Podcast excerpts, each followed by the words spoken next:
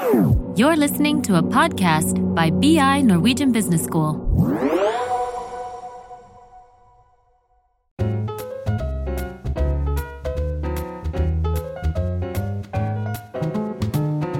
Velkommen til podkasten Salgsledelse med Roy Elvegård. Og i dag så har jeg gjest eh, som har vært her tidligere, Kristian Hofbauer. Og dagens tema er da rekruttering og ansettelse av kommersielt personell. Velkommen, Kristian. Takk for det. Har Det er veldig hyggelig å være her. Har du hatt en god morgen så langt? Så langt fått uh, stått opp på en god fot og fått en kopp kaffe, så da ser dagen lys ut. Det samme her. Det samme her. Kristian, Kristian, du har jo solid farts, fartstid som eh, kommersiell eh, leder. Og du har jobba som rådgiver, og rådgivere de er jo eh, problemløsere. Og du har også jobba som eh, kursholder, og sikkert flere ting i tillegg. Eh, Du har skrevet en bok som heter Salgets helter, som har fått god mottagelse hos flere høyskoler i Norge og deriblant her ved Handelshøyskolen BI. Og I denne boka så sier du også litt om det med rekruttering. Du jobber for et eh, kjent eh, konsulentfirma hvor eh, rekruttering til kommersielle stillinger, inklusivt selgere og salgsledere, er et av dine spesialområder. Vi skal da se på ulike utfordringer som dette medfører.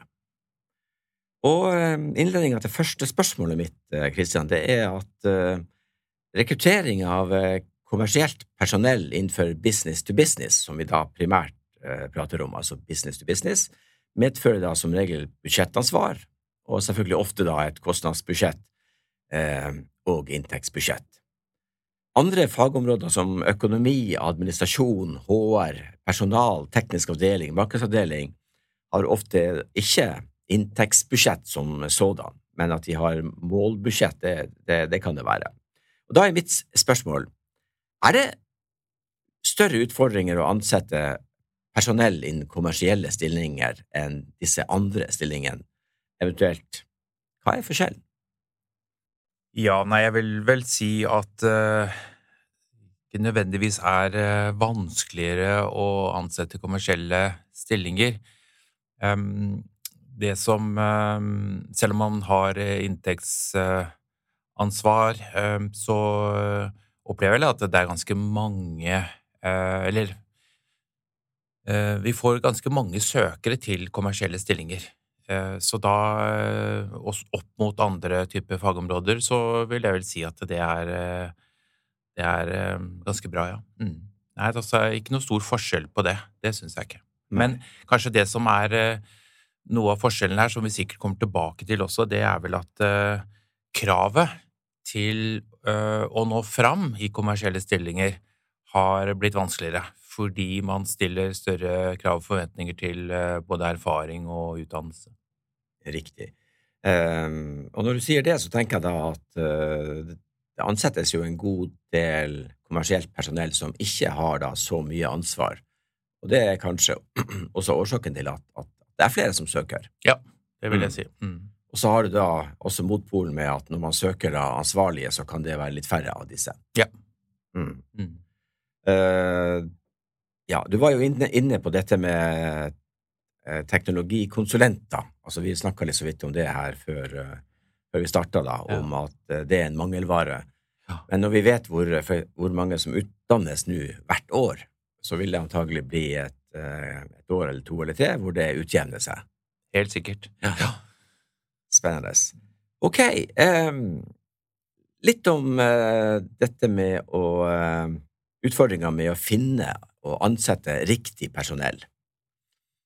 Er, det du som er ute og leter etter de riktige kandidatene, eller er det kandidater som finner deg og oppsøker deg, eller begge deler? Ja. Du, akkurat nå så har jeg faktisk eh, noen eh, stillinger innenfor eh, salg, key count og salgsledelse som jeg prøver å, å, å da få løst for ulike oppdragsgivere. Og det som eh, er situasjonen nå, det er at eh, vi får relativt eh, bra med søkere, men vi får ikke så veldig mange kvalifiserte søkere. som, så gjør at vi må ut og søke. Så vi har der jeg jobber, en ganske stor researchavdeling som jobber med search, rett og slett. Så vi Mm. i dag i mye større grad enn tidligere jobber med å finne selv kandidatene. Um, Så det er en stor del av jobben. Ja, Mm. så du jobber altså sjøl med, med, med å finne? Ja. ja, ja. Eh, da vil jeg jo tro at, det, at du også kanskje oppfordrer eh, potensielle til å søke, ta direkte kontakt med deg. Absolutt. Så jeg pleier å si det til Jeg får ofte henvendelser, så sier jeg at eh, bare ta kontakt eller send inn eh, CV-en eller eh, ta et møte hvis jeg har mulighet til det. For det, det kan være smart for alle egentlig å gjøre. Ja. Ja, for det, det kommer jo stillinger hele tiden, og da gjelder det å, å være litt top of mind, um, og at man har uh, de ulike kandidatene da litt, litt ved siden av seg og kan kikke på de når aktuelle stillinger kommer. Mm. Mm. Ja, jeg tenker jo ofte at det å ha kontakt med en rekrutterer Jeg tenker på meg sjøl, da. Så, så har jeg jo hatt kontakt med en del rekrutterere, og da har på, mange av de har på en måte fulgt meg fra jeg starta til, til, til i dag, da. Ja. Mm. Jeg kan bare nevne meg selv egentlig som et godt eksempel der, fordi eh, jeg har jo vært i ulike selskaper, og nå sist så ble det selskapet som jeg jobbet i, kjøpt opp og restrukturert, og jeg måtte ut og finne ny jobb. Mm. Og da gikk jeg jo til uh, de tre rekruttererne jeg har hatt kontakt med gjennom de siste 15-20-25 årene. Og så var det jo da uh, sånn at jeg havna og ble ansatt hos en av dem. Så det sier jo litt om viktigheten av å ha kontakt og ha på en måte en slags posisjonering da, hos disse ulike rekruttererne. Ja, ja. Flott. Du, eh, dette med nyutdanna, for eksempel studenter som en, eh, ja, er ferdig med en bachelorgrad og, og har eh, studie, studiepoeng i salg og salgsledelse, eventuelt eh, en master også, eh, versus eh, kanskje erfarne personell som ikke har utdannelse. Hvordan sorterer du disse to eh, gruppene? Ja, eh, det er et veldig godt spørsmål, og det er noe vi eh, faktisk snakker om og jobber med eh, sammen med oppdragsgiverne hver eneste dag. Eh, jeg kan si det sånn at de siste 10-15 årene så har eh, salg utviklet seg. Det har liksom blitt et fagområde som har blitt mye større. Salget er mye mer enn det folk flest tror, fordi det inkluderer i dag det som eh, i dag er markedsføring, eh, forretningsutvikling, stor del av verdikjeden egentlig. Og det betyr at skal du lykkes med salg i dag, så er du nødt til å ha kunnskap og innsikt om disse eh, andre områdene i tillegg. Og det krever at du gjerne da har en type utdanning fra for eksempel BI, hvor man har fått denne modenheten og kunnskapen og innsikten om flere fagområder. Så som selger så skal du jo, eller så er jo hovedmålsetningen å hjelpe kjøperne å ta kompetente beslutninger, og da må du forstå business. Du Ja. må forstå hva som gjør topplinje og bunnlinje og alt derimellom hos kundene dine, og du må forstå hvordan du kan hjelpe dem med å bli bedre. Og da er det sånn at når vi nå skal velge, så, så er det faktisk oppdragsgiverne som setter en standard eller et krav til at her må vi ha mennesker som har denne kunnskapen og denne innsikten, ehm, så, som gjør at det, det er viktigere å ha folk med den bakgrunnen i dag, kontra å ha eh, folk som ikke har det, men som har kanskje litt eh, mer erfaring. Det er ikke det jeg sier at folk med erfaring ikke når opp, det kan de absolutt gjøre, men vi ser et skifte der de siste fem-ti årene, at eh, utdanning blir viktigere og viktigere. Eh, så jeg vil absolutt oppfordre alle til å ta utdanning som skal inn i salg, eh, og salg har jo også da, som jeg nevnte, blitt mye viktigere for de fleste selskaper, og her ligger det også, må sies, eh, store karrieremuligheter. Mm. Eh, og inntektsmuligheter når det gjelder eh, lønn og andre goder. Mm. absolutt.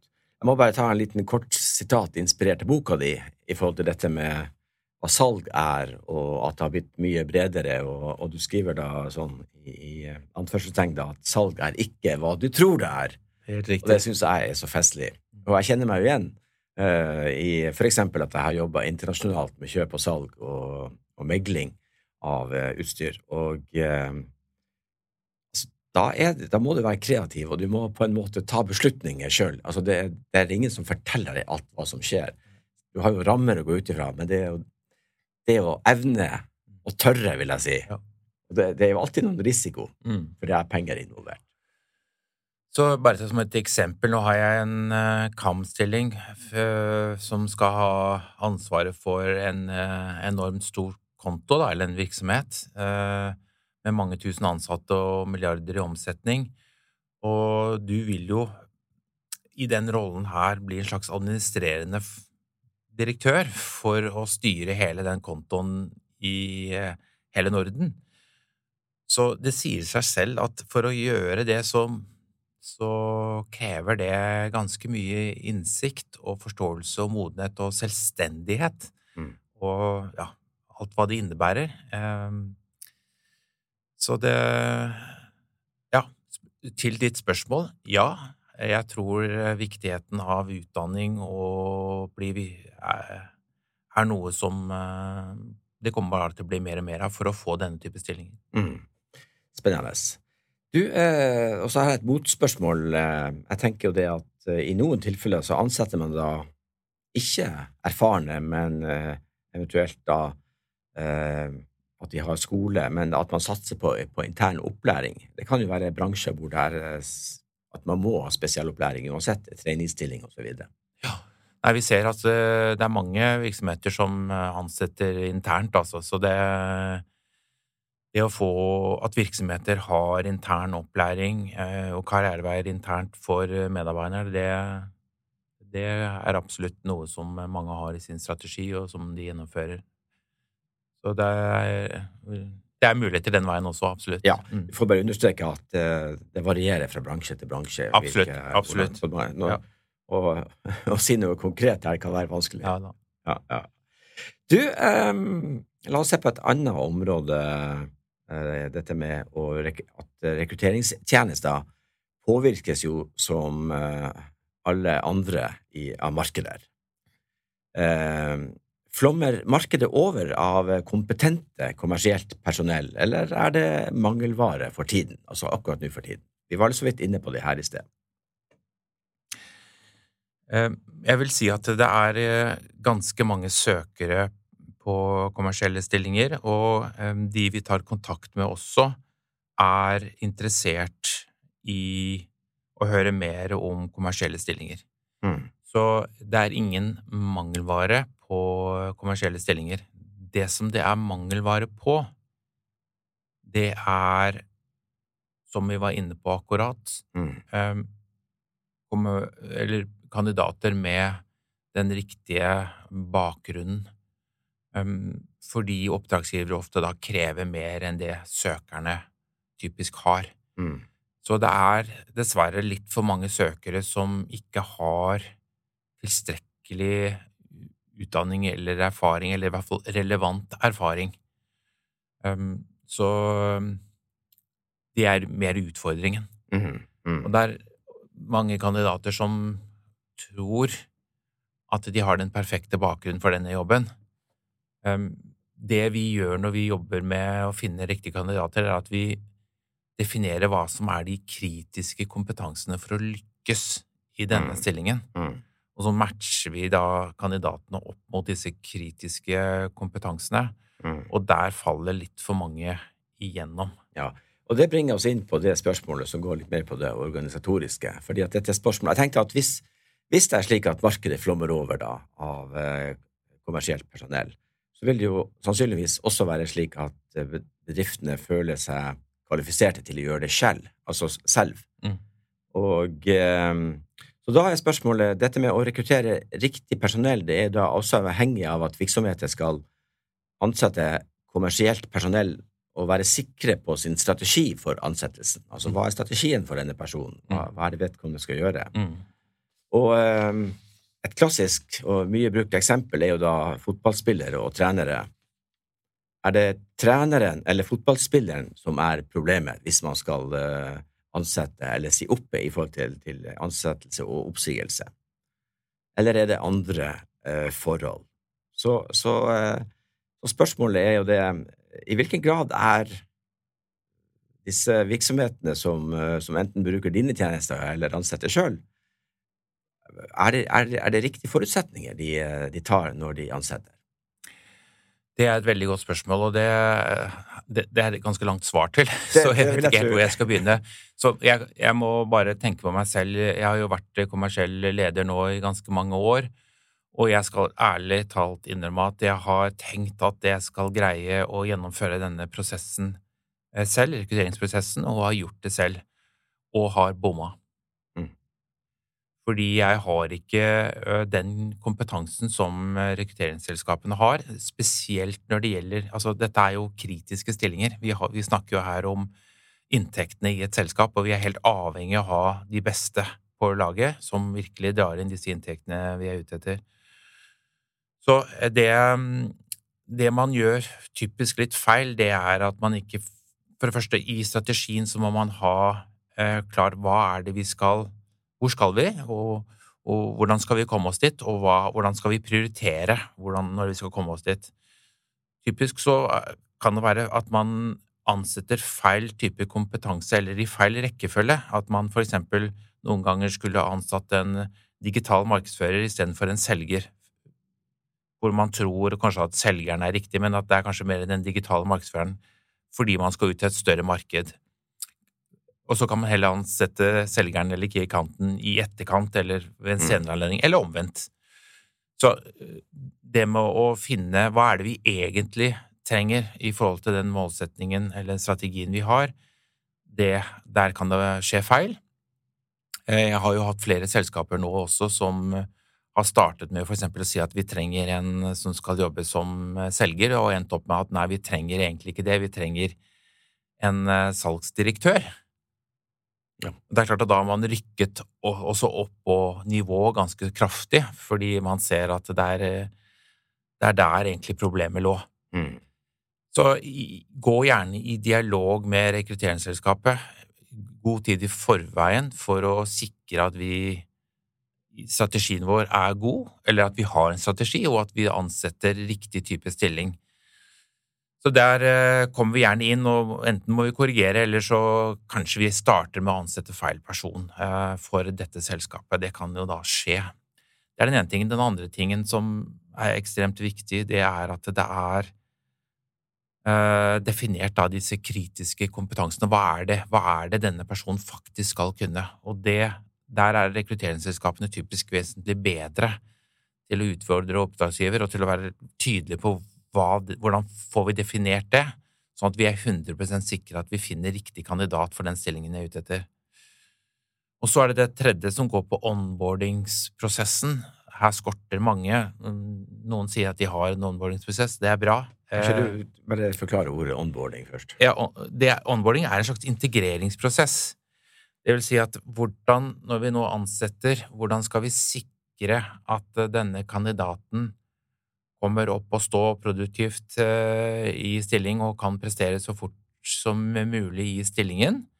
Ehm, hvordan skal kandidaten komme inn i miljøet sosialt sett og med relasjoner, eh, sånn at den opplever å bli tatt godt imot og får en høy trivselsfaktor så tidlig som mulig, sånn at eh, de har lyst til å bli der så lenge som mulig. De må huske på at med en gang du kommer inn dørene hos denne oppdragsgiveren, så starter på en måte din opplevelse med det selskapet du jobber i, og det er viktig at uh, den opplevelsen er god, og at du blir godt uh, ihendetatt, for eksempel med at når du kommer inn på pulten din, uh, eller der du skal sitte, at det er en velkomsthilsen, og at du viser at her skal du nå være med oss noen dager eller uker i forhold til opplæring og interne rutiner og så videre, og du får på en måte den den oppfølgingen som er nødvendig da, for at du skal uh, bli en del av miljøet og kunne prestere i den rollen du er satt til å gjøre, og mm. forstå rutiner og, og, alt annet som du mm. trenger å forstå. Ja. IT og så videre. Ja. Ja, det er jo, bare for, å, bare for å kommentere, det er jo krevende å gå inn i en, eh, en så viktig, viktig, ansvarsfull jobb, da. Ja.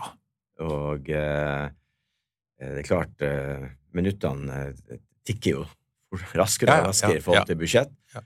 Og eh, det å føle seg og bli godt tatt imot for å prestere godt, da, tenker jeg er viktig. ja så. Så det er jo viktig kunnskap, da, Ja. tenker jeg, så for, for, fra rekrutteringens side, at de ja, de, de bør jo kanskje ha erfaring fra bransjen, da, kommersiell eh, erfaring, når man skal jobbe som en rådgiver innenfor rekruttering da, av slike typer stillinger. Jeg tenker at det er viktig å, å, å kunne forstå den, eh, den oppdragsgiveren og den virksomheten, absolutt. Mm. Så erfaring, det, det, er, det er absolutt pluss, det, altså. Ja.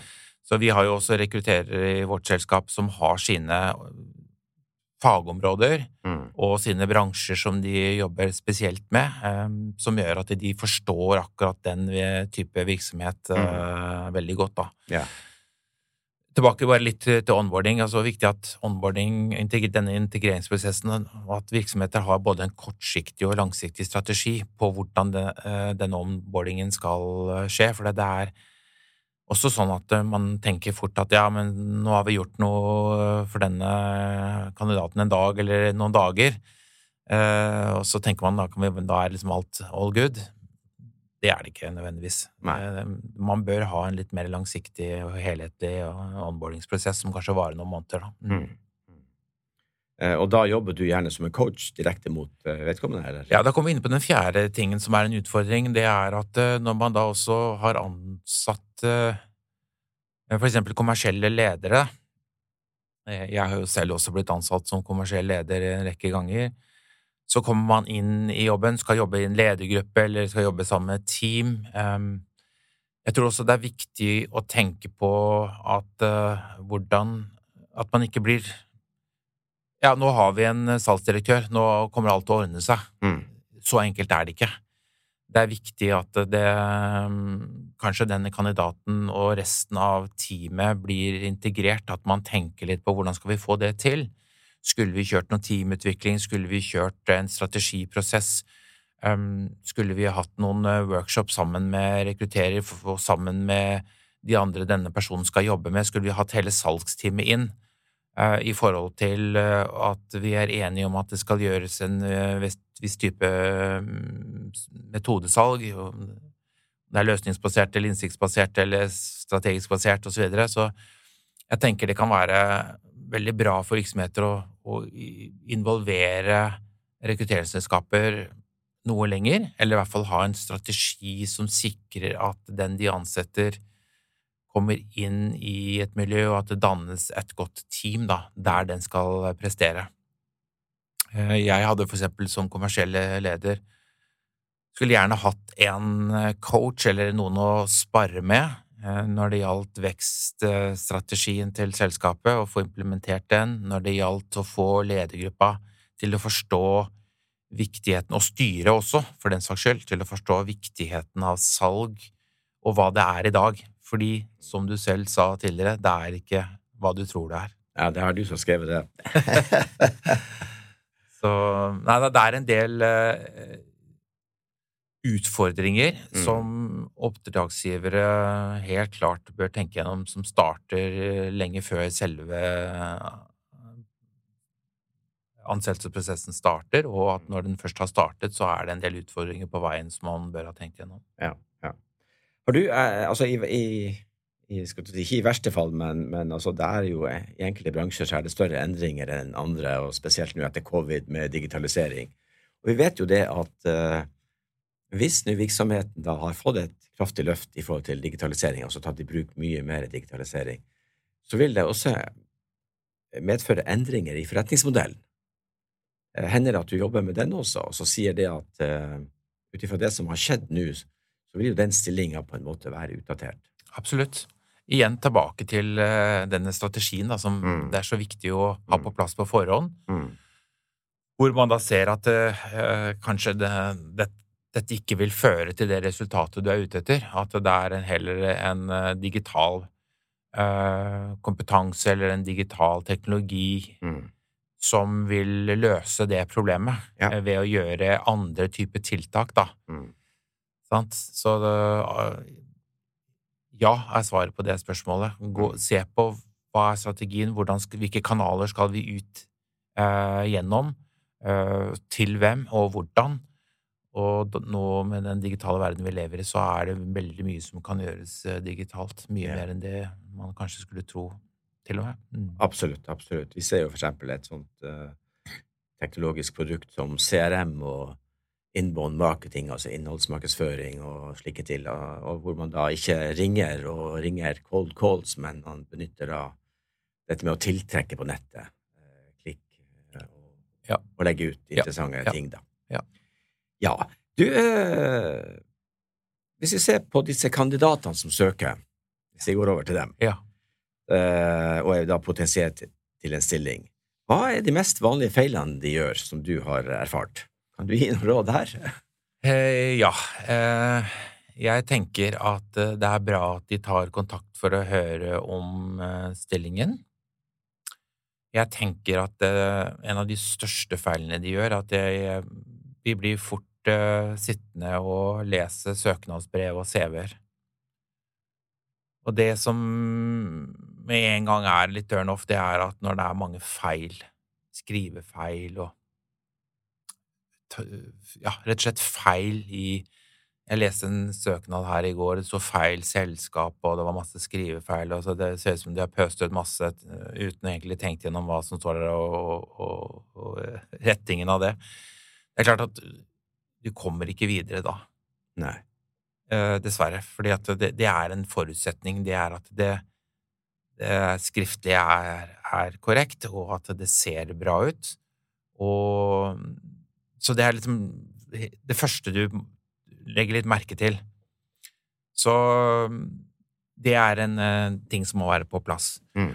Og så tenker jeg at uh, man eh, på selve intervjuet, hvis man blir kalt inn til intervjuet, um, ikke driver med en masse name-dropping og, og snakker om alt det man eh, liksom har gjort og hvor god man er og, og sånn, men er litt mer ydmyk og, og, to the point i forhold til akkurat denne stillingen og er, er forberedt eh, med både spørsmål og innspill og kommentarer eh, konkret til eh, stillingen. Det gir et mye bedre inntrykk enn at man, ja, som sagt eh, fordi jeg har eh, ganske mange kandidater som eh, mener at de er verdens beste til å gjøre denne jobben, og, og, og begynner å snakke om alle de kjenner og alle steder de har vært, og hvor mange ganger de ikke har gjort det ene og det andre som Mm. liksom skal være i denne stillingen. Men det, vi snakker ikke om fortid, Nei. vi snakker om fremtid. Mm. Og da må du være opptatt av fremtid og det som står som forventninger og krav i stillingsannonsen, og det, Ja. være ydmyk for det, da.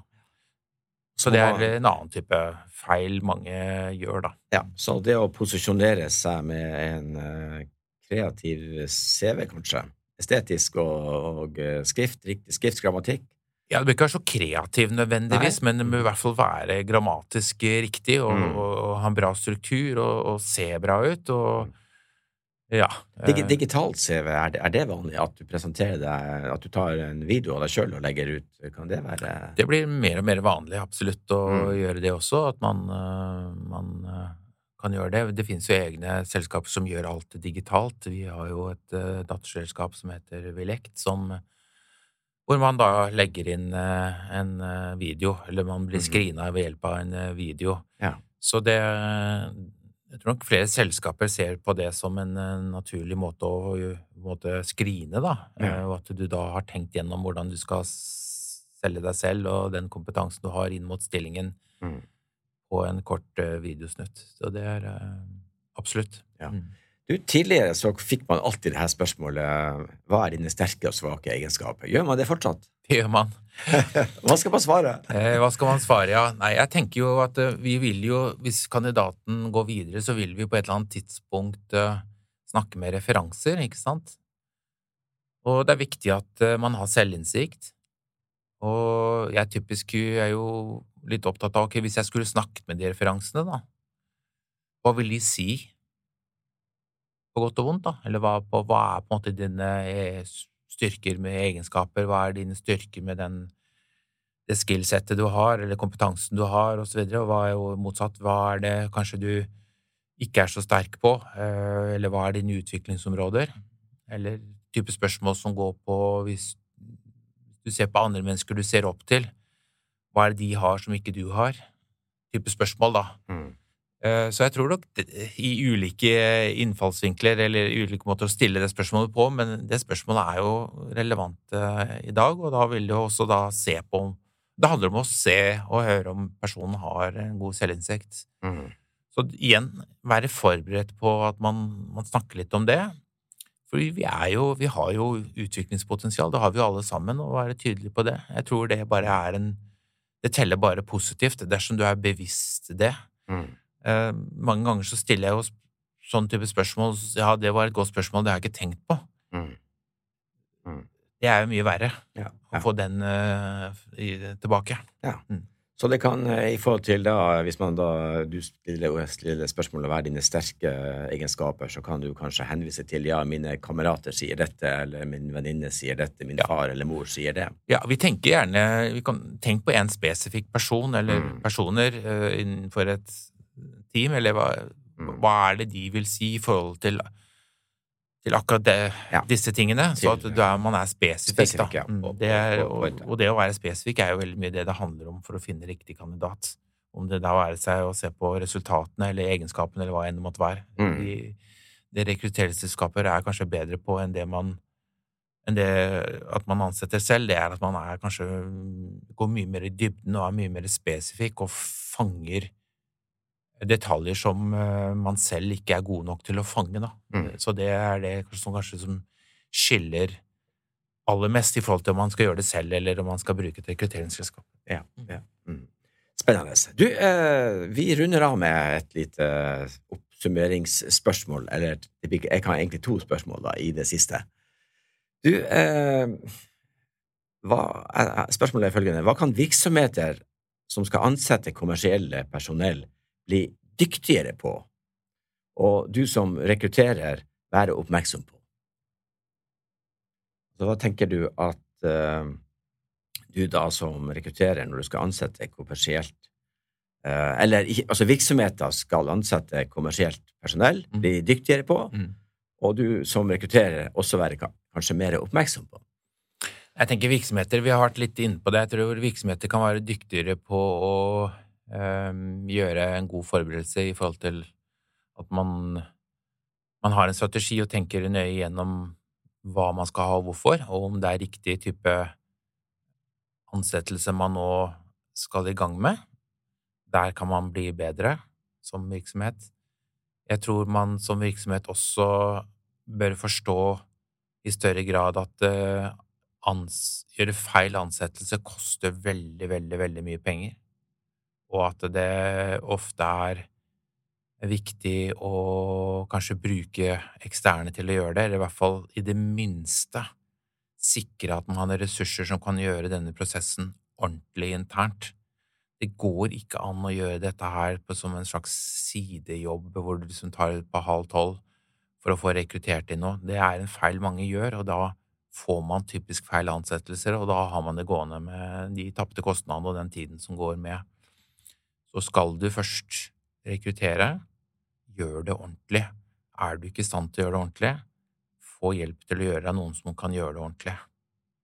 Og eh, som virksomhet, da, det er dette vi var inne på med hele onboardingsstrategien og onboardingsprosessen og integreringen av kandidaten. Der kan man bli bedre. Og sist eh, så kan man bli bedre på når man har kommet inn, det å sikre at kandidaten eh, få litt coaching og hjelp til å komme både inn i jobben og inn i det teamet de skal jobbe, og få til det de skal lykkes med. Derfor har jo også Orion utviklet uh, nå flere tjenester. Ja, Orion det er selskapet du jobber for? Ja, knyttet flere tjenester til rekruttering, både før mm. og etter, sånn at vi kan hjelpe kundene våre med mere for å sikre at uh, hele rekrutteringen da uh, blir bra, og løse de problemene vi nå snakker om, for at, sånn som virksomheter da typisk står overfor. Mm. Så det går på strategi, hjelpe til med strategi, det hjelper til med onboarding, hjelper til med uh, opplæring. av, det, av salgsteamet som den For eksempel en kommersiell salgsdirektør skal inn og, og lede et salgsteam, da, så kan vi hjelpe til med opplæring. Så det er, det er vel egentlig de tingene i hovedtrekk som jeg mener virksomhetene kan bli bedre på. Ja. Det vi som rekrutterere kan bli bedre på, det er mange ting, det òg. Det går på igjen å være tydelig på å forstå virksomhetene, eh, på hva som er det reelle problemet deres, og hva som er det reelle behovet deres i forhold til å utfordre kundene på det. Eh, vi er ikke tjent med å ansette feil personer fordi kundene gjør feil, ikke sant? Og, og, til syvende og sist så går det utover også, for mm. det, det, har jo ikke gitt det resultatet man er ute etter. Mm. Så vi kan bli flinkere på å utfordre oppdragsgiverne våre, og ikke nødvendigvis bare si ja til alt. Jeg tror det er viktig at vi er tydelige på, på hva vi tror på er riktig også. Og så være tydelige på hva det krever av oppdragsgiver. å mm. Og gjennomføre en uh, rekrutteringsprosess fra A til Å. Sånn at de uh, setter av tilstrekkelig med ressurser og involverer seg tilstrekkelig for å sikre at vi får til en bra prosess. Det er to eksempler, da. Mm. Spennende, Kristian. Eh, uh, det er nervepirrende tider. Det er det.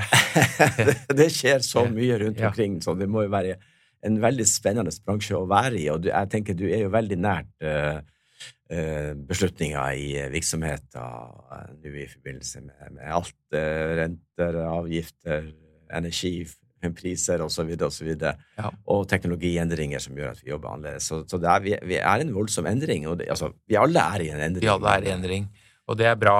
Mm. Og vi må alle ta eh, den utfordringen endringen krever, fordi endring mm. kan være smertefullt. Eh, så det er viktig uansett alder at man går inn i endringen og tar tak i den og gjør den til eh, en del av seg sjøl og en god ting av seg sjøl. Kristian Hoffbauer, takk for at du kom og at du ville dele all denne viktige og nyttige informasjonen med oss. Tusen takk og lykke til, videre med, og lykke til videre med business. Ja, det, det, takk for det. Takk for at jeg fikk komme.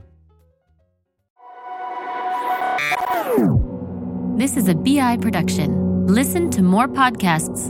Go to bi.no slash podcasts.